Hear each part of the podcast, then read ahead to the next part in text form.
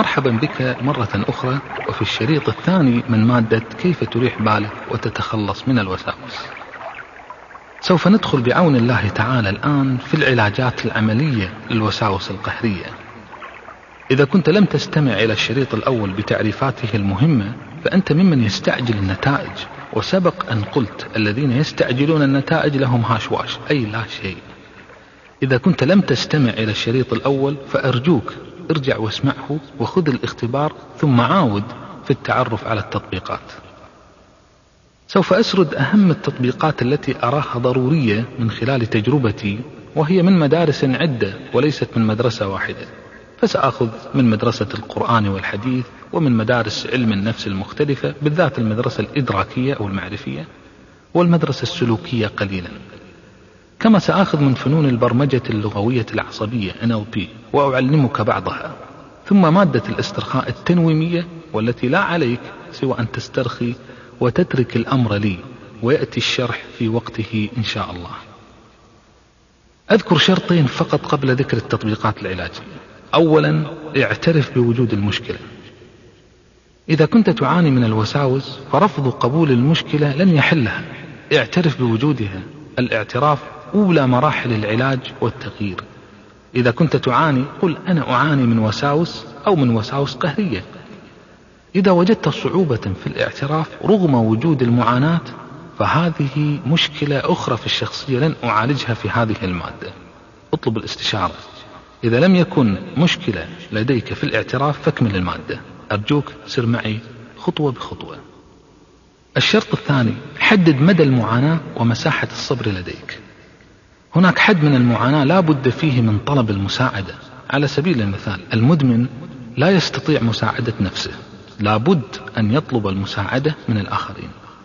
السبب أن مدى المعاناة مرتفع ووصل إلى حد أن الجسد الذي لدى الشخص يعمل ضده. في الوساوس لا يصل الحال إلى هذه الدرجة لكنك قد تدرك حدة المعاناة.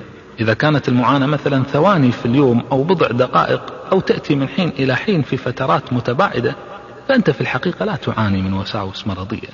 هذا الأمر يعتري الناس جميعا وعلاجه بإيقاف الفكرة سريعا كما سيأتي ذكرها إن شاء الله. إذا كانت المعاناة تأخذ ساعات ويوميا فإن ذلك يتطلب المساعدة الطبية والنفسية فورا. التأخير في علاجها يضيع الوقت وقد يضاعف المشكلة. هذه المادة لا تنفع لمن هذا حاله. لابد من المساعدة المختصة أولا ثم عندما تخف الحالة تسمع هذه المادة. من كان بين هذا وذاك فقد أعدت المادة له.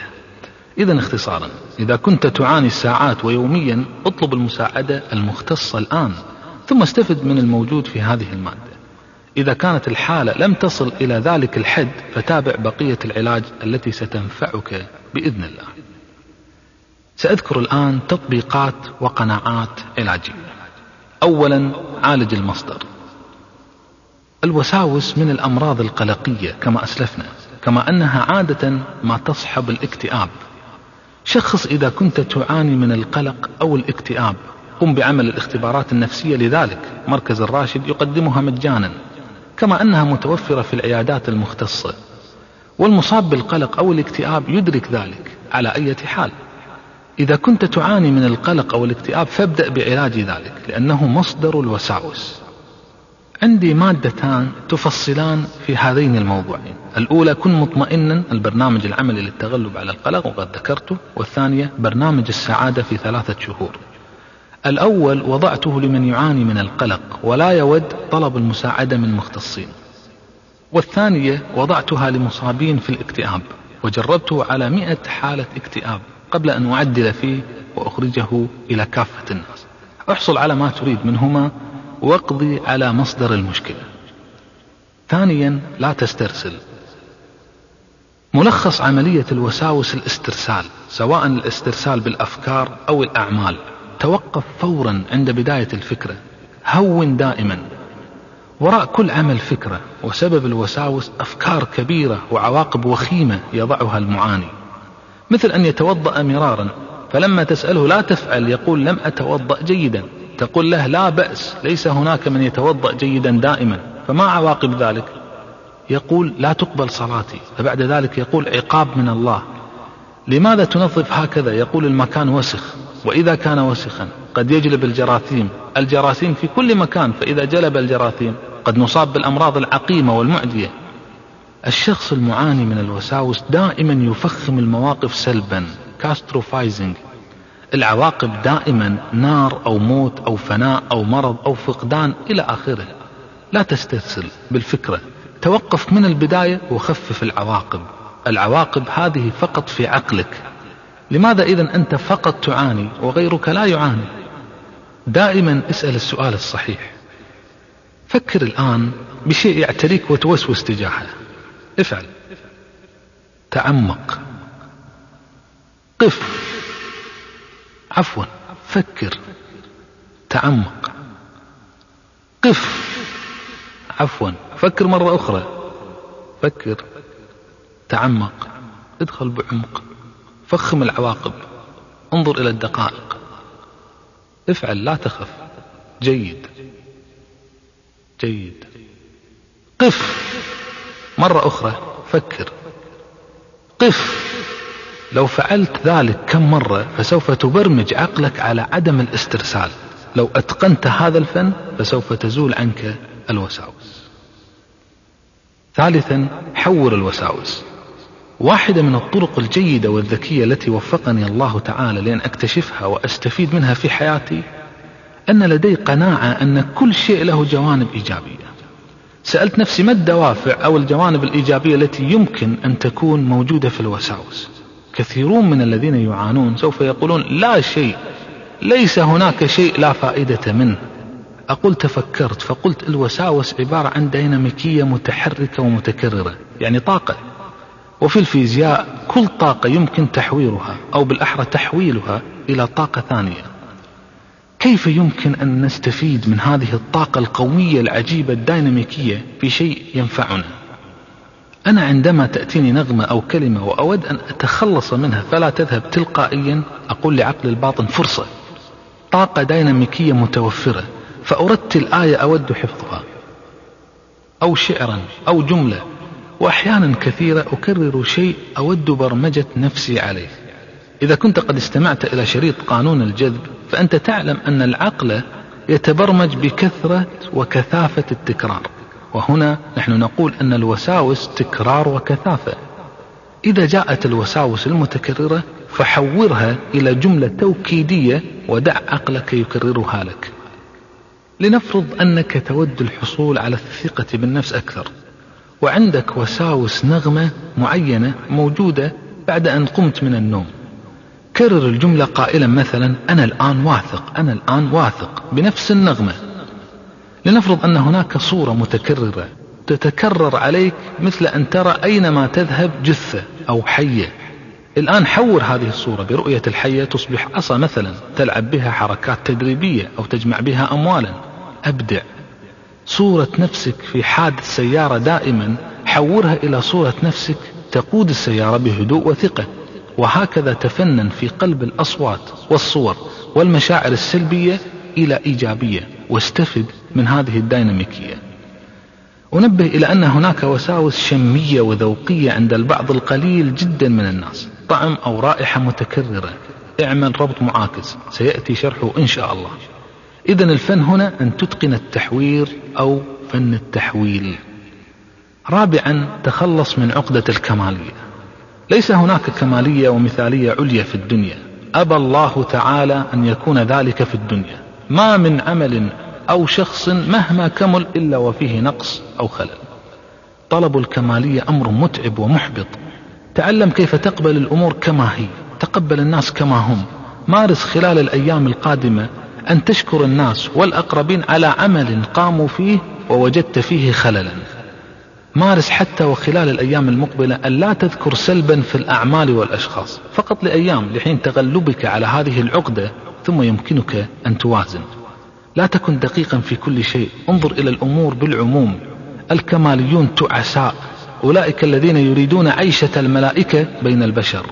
الكمالي بيرفكشنست ينظر بمنظار النقد الدائم فهو عندما يأكل في مطعم وجبة يعجب بها الآخرون يعلق على طريقة إعداد السلطة غير المرتبة عندما ينظر إلى شهادة ابنه ينظر أولا للدرجات غير المرضية ثم يضع تعليقا نصفه نحن من نوع الاضطهاد النفسي للأولاد. وهو عندما يسكن فندقا جيدا لا يرضيه بطء خدمات المطعم. هو عندما يأخذ سيارته للغسيل يتذمر من عدم مسح الجانب الأيمن بقرب العجلة جيدا. وعندما يقرأ كتابا لا يعجبه بسبب فكرة مخالفة لرأيه. عندما يصلي صلاة فإنها فاسدة لأنه سرح في التكبير وعندما يتوضأ يعيد لأنه لم ينوي جيدا وهكذا باختصار الكمال والتمتع أو السعادة طريقان مختلفان.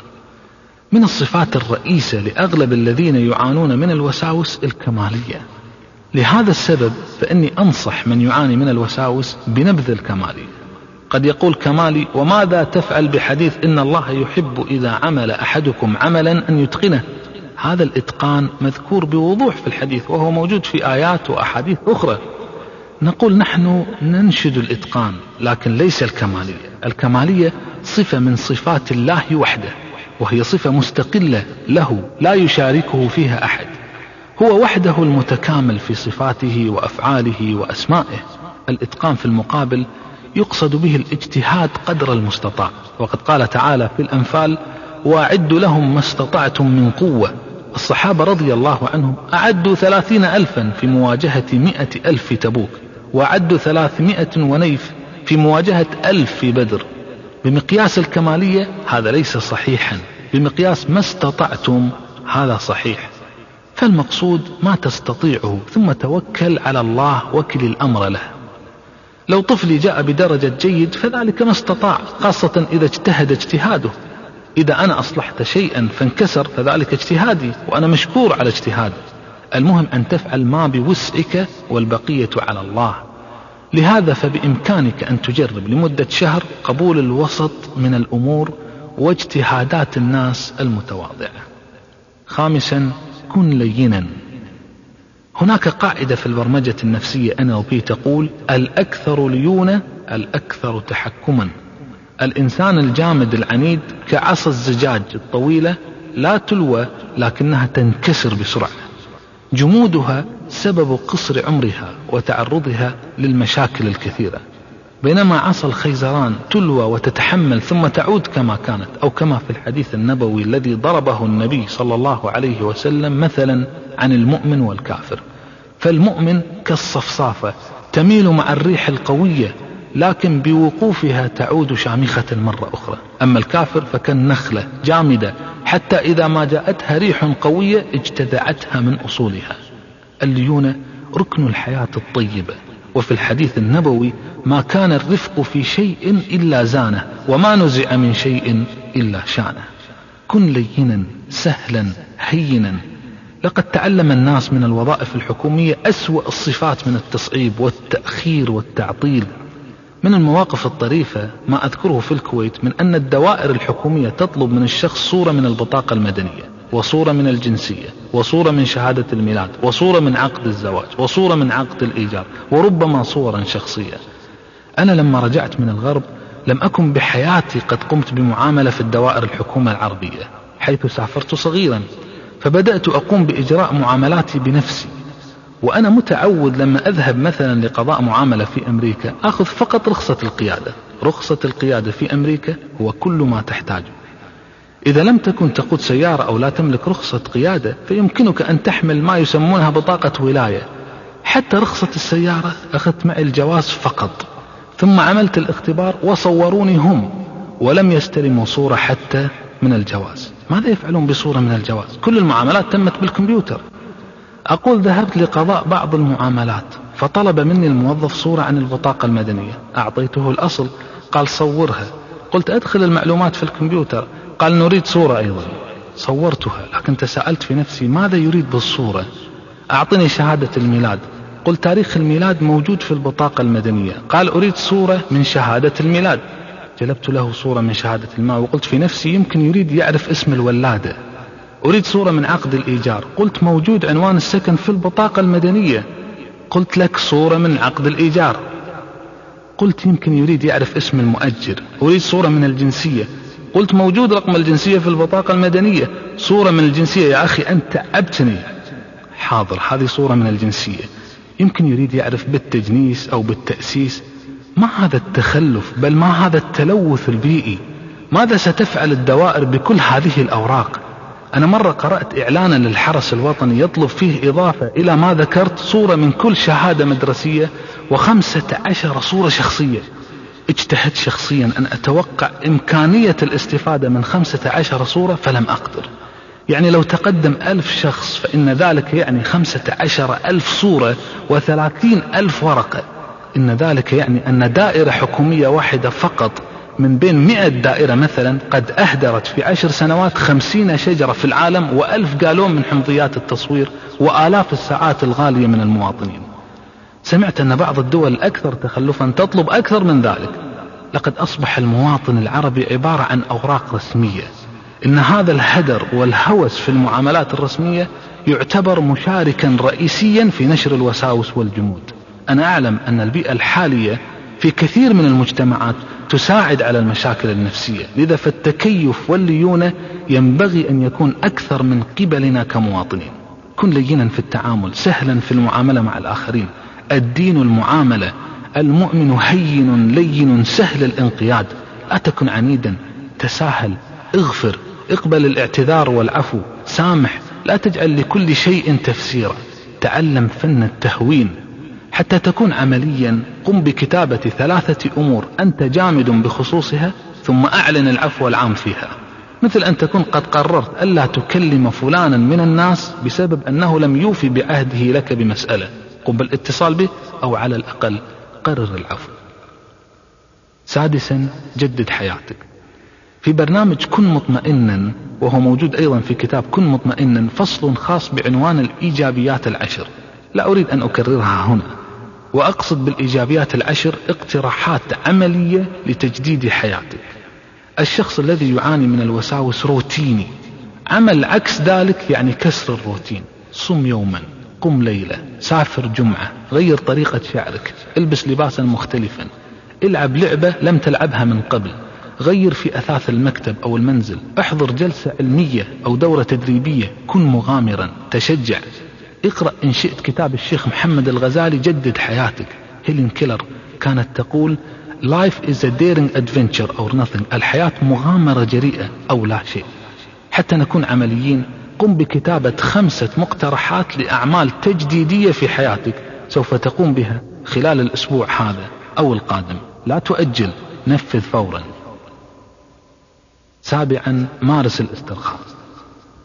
هذا العلاج ذكرته في التغلب على القلق وفي مواجهة المخاوف وفي الحصول على السعادة والسيطرة على الحزن والاكتئاب. الاسترخاء علاج رئيس لكل المشاكل والمعاناة النفسية. الاسترخاء عكس الاضطراب والقلق. الاسترخاء يعمل بشكل خاص مع الوساوس فيهدئ النفس ويعلمها التعامل مع الأفكار بهدوء وروية.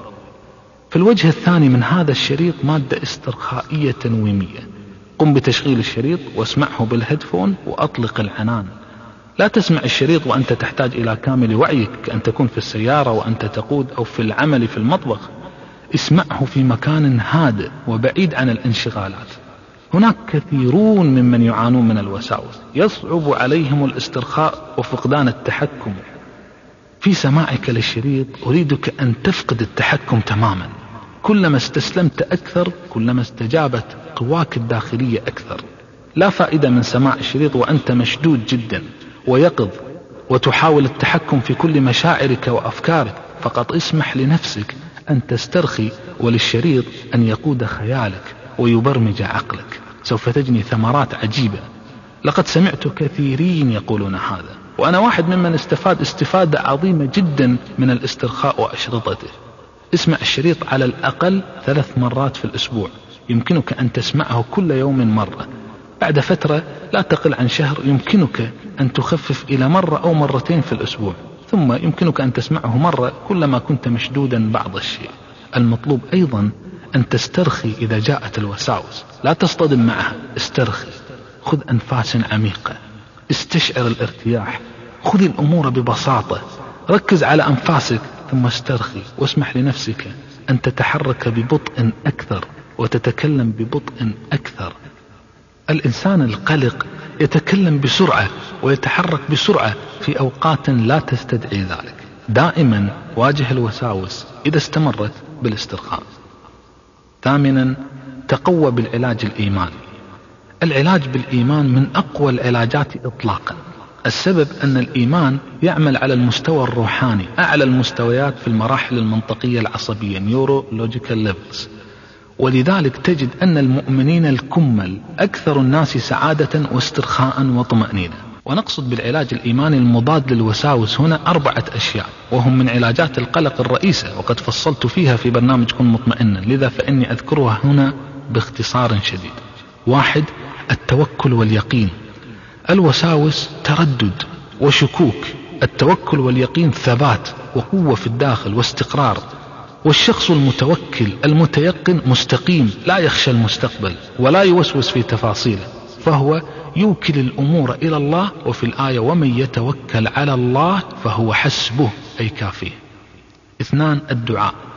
لا يكاد يرد مع الدعاء شيء وهناك من الأوقات والظروف ما لا يرد فيها الدعاء يقينا وهذه الأوقات عصر الجمعة قبيل المغرب وبين الأذان والإقامة وفي السجود وفي السفر وعند المرض وعند المريض وعند الفطور من صيام وفي الجوف الأخير من الليل أي قبيل الفجر وعند الضرورة والحاجة الملحة وبعد الصلوات المكتوبة وغير ذلك. ثلاثة حسن الظن. ليس شيء أنجع وأنفع في الحصول على المطلوب ودفع المكروه من حسن الظن بالله. لو لم تكن لدي إلا نصيحة واحدة لإنسان يريد السعادة لقلت له وحد الله واحسن الظن به. حسن الظن يعني أنك دائما ترى العواقب خيرا. وقد فصلت في هذا الموضوع بدقة في برنامج كيف تصبح متفائلا وهو شرح لمعنى كيف تحسن الظن. أربعة الذكر.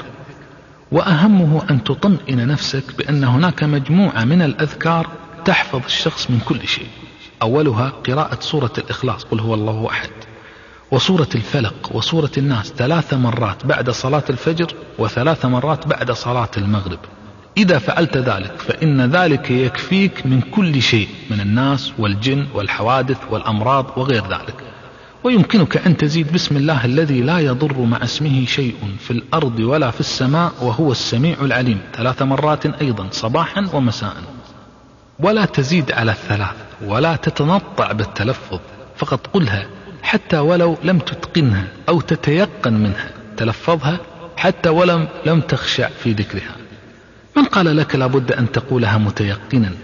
من قال لك ذلك فقل له زيادتك زيادة منكرة مردودة عليك. وأنا شخصيا لا أحبذ المنهج الماتريدي والأشعري في تأويل الأحاديث. الحديث لم يضيف هذه الزيادة المنكرة. فقد قال من قال؟ والنبي صلى الله عليه وسلم فصيح لو أراد لقال من قال متيقنا. ومن الذكر ما يمنع المرض يقينا. لنفرض أنك سمعت أن شخصا مصابا بالسرطان أو زرت شخصا مصابا بالسرطان ولديك وساوس تجاه الخوف من الإصابة بهذا المرض. فقط قل الحمد لله الذي عافانا مما ابتلاك به وفضلنا على كثير من الخلق تفضيلا. هذا الدعاء يكفيك من الإصابة بهذا المرض كما جاء في الحديث الصحيح. ومن فضائل الطبيب أنه قد لا يصاب بأي مرض لو مارس قول هذا الدعاء عند دراسة كل مرض أو رؤيته أو تشخيصه. ويكفيك أن تقوله مرة واحدة عند كل مرض ويمكنك أن تقوله عند رؤية المريض مرة واحدة. ولا تكثر فتعزز الوساوس. وانتبه أن تقول هذا الدعاء في وجه مريض فذلك مما قد يؤذيه وهو دليل الحماقة. فالذكر مستحسن ومشافي. ويستثنى من ذلك الذي عنده وساوس من الذكر فالأولى أن يلتزم فقط بما ذكرت ثم يتعلم الاسترخاء ثم إذا خفت حالته يرجع للذكر. ما ذكرته حتى الآن سلوكي إدراكي. أود هنا أن أعلمك طريقتين على البرمجة. هاتان الطريقتان في ال NLP ويحتاجان منك الهدوء والتركيز ومكان تسترخي فيها. لا تفعل هذين التمرينين وأنت تقود السيارة أو تحتاج إلى كامل وعيك لأنهما يحتاجان تركيز واسترخاء. الأول في تعلم الربط الإيجابي والثاني في البرمجة بالطريقة الصحيحة. هاتان الطريقتان مشروحتان بالتفصيل في الدورة التدريبية اكتشف قواك الخفية البرمجة اللغوية العصبية NLP إذا تاسعا في العلاجات ارتبط مع الإجابة وسميها أنكر بوزيتيفلي مسألة الربط هذه من المسائل العجيبة الغريبة. وأول من اكتشفها هو العالم الروسي بافلوف وسمى نظريته تلك النظرية الشرطية وعرفت بنظرية بافلوف وسماها ممارس البرمجة اللغوية العصبية أنكر أي المرساة يعني مرساة السفينة. وسميتها أنا الربط إذ لا معنى للمرساة عندنا في اللغة العربية سوى أنها تمسك السفينة. على خلاف تنوع معانيها في الإنجليزية والربط لأنه مستخدم في ألفاظ السحرة والمشعوذين والجهلة من الناس وملخصها أن الإنسان قد يربط المشاعر بموقف أو صوت أو كلمة أو مشهد أو رائحة أو طعم. ولا أود أن أخوض في التفاصيل فهي موجودة في البرنامج الذي أشرنا إليه. دعنا نطبق هذه التقنية فقط العالية في التغلب على الوساوس. أوجد مكانا مريحا وهادئا ثم ادخل في حالة استرخاء تامة.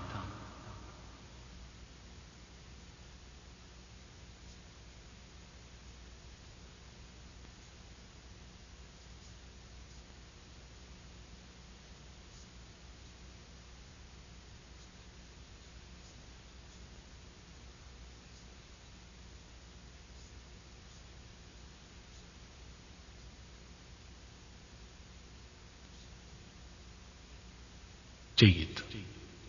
نفس عميق.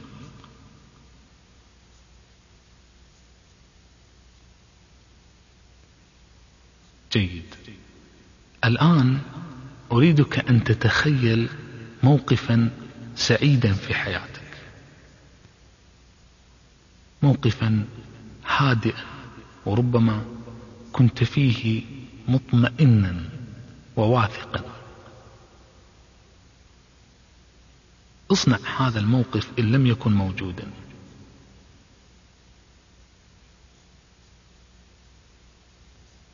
جيد.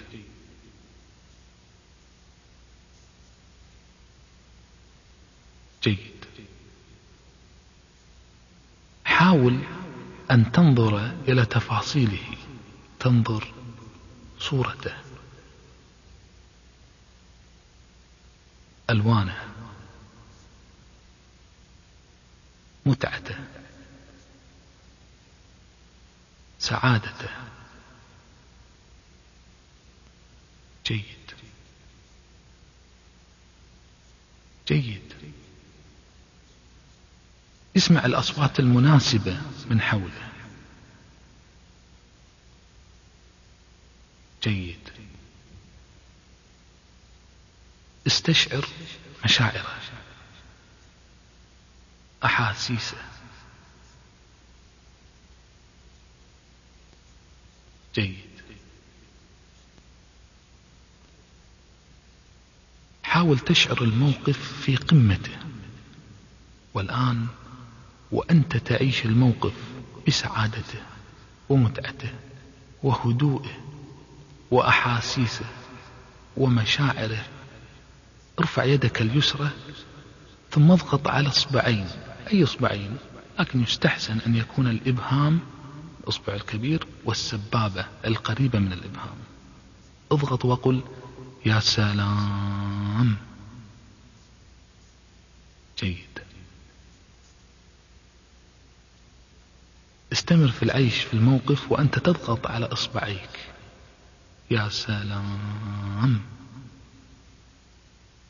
عيش الموقف في متعته وسعادته. وأحاسيسه ومشاعره. جيد. جيد. استمر في العيش في الموقف. والآن أنزل يدك واستمر في الموقف. جيد. الآن خذ نفسا عميقا. وعد إلى وعيك الكامل. جيد. التجربة التي قمنا بها من أجل أن نربط المشاعر الإيجابية في حركة معينة. ينبغي أن تكون فعلا دخلت في حالة استرخاء ومتعة وسعادة وإلا فأنت لم تربط شيئا. الآن نود أن نختبر هذا الربط. هل فعلا يعمل؟ اضغط على إصبعيك وقل يا سلام! بماذا تشعر؟ وماذا ترى وتسمع؟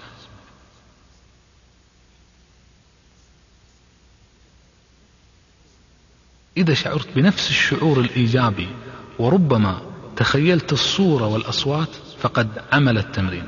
أكمل بقية التطبيق. إذا لم تشعر فارجع واعمل التمرين مرة أخرى. الآن أريدك أن تفكر بما توسوس به عادة. فكر وعيش الموقف الذي يشغل تفكيرك ويأتيك بالوساوس. ومتى ما شعرت بالمشاعر السلبية فاضغط على إصبعيك وقل يا سلام. افعل ذلك الآن.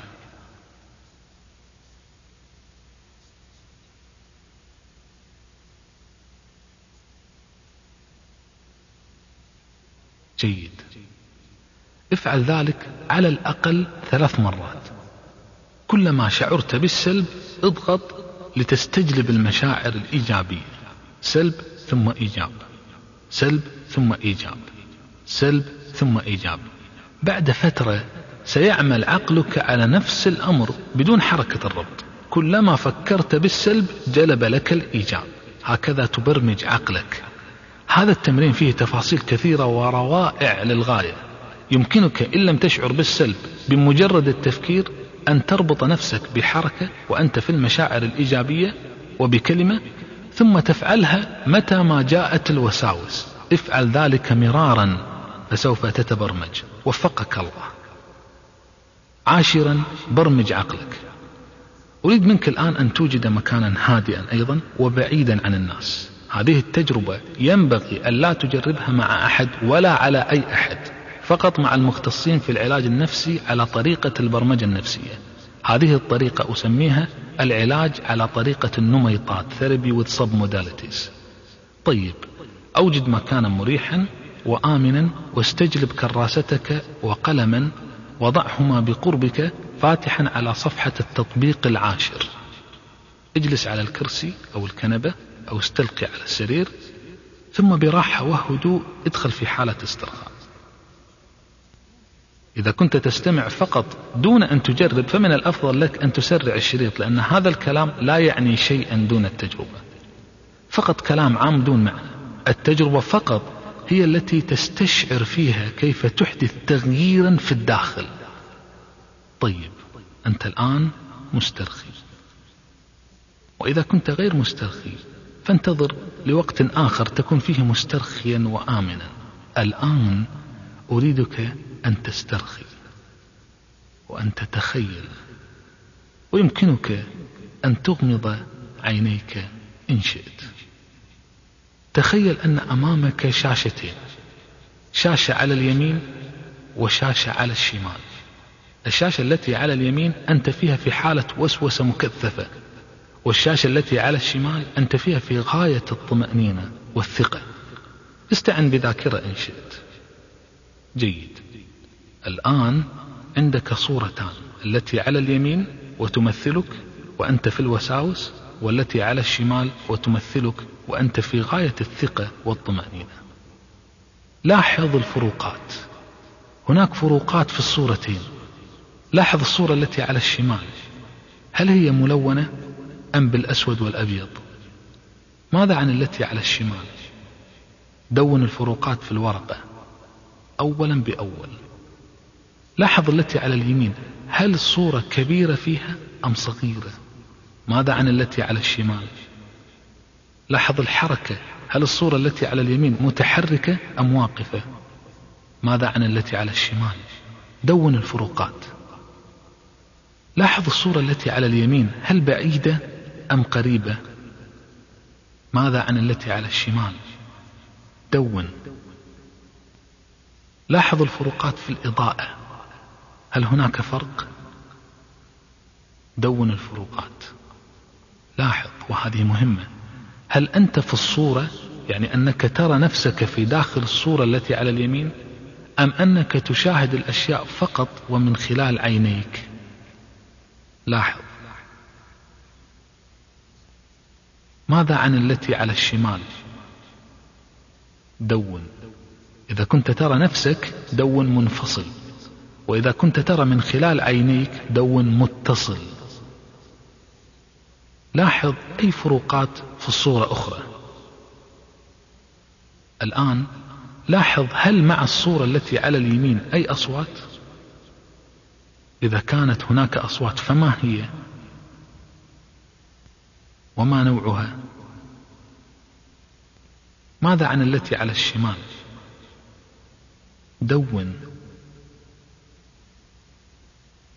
الآن وهذه مهمة أيضا لاحظ عندما تنظر إلى الصورة التي على الشمال أين تشعر بمشاعرك؟ هل في الصدر؟ أم في الرأس؟ أم في المعدة؟ أم في أي مكان آخر؟ دون مكان المشاعر والأحاسيس. ثم عندما تنظر إلى الصورة التي على اليمين أين مشاعرك؟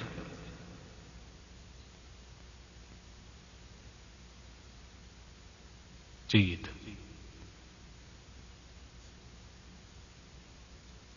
دون. الآن توقف ثم انظر إلى الفروقات. ما هي الفروقات الدقيقة التي يميزها عقلك بالصورتين الإيجابية والسلبية؟ العقل يخزن بطريقة مختلفة. دون فقط الفروقات. مثل أن تكون الصورة التي على الشمال ملونة ومتحركة وفيها صوت ومشاعر في اليدين والرجلين. بينما الصورة التي على اليمين بالأسود والأبيض وواقفة وليست فيها صوت والمشاعر في الصدر.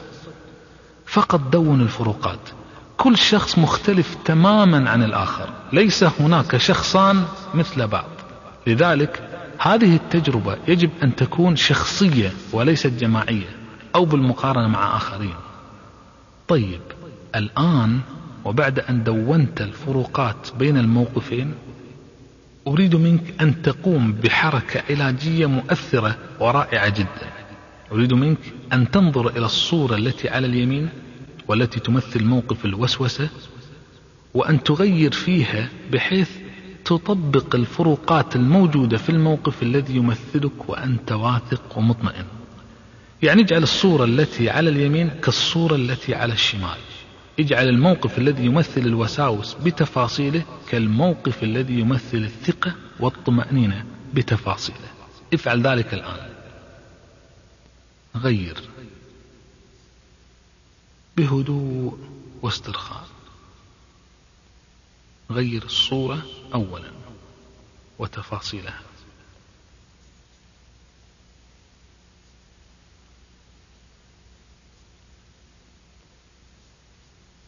ثم غير الصوت إن وجد. ثم المشاعر.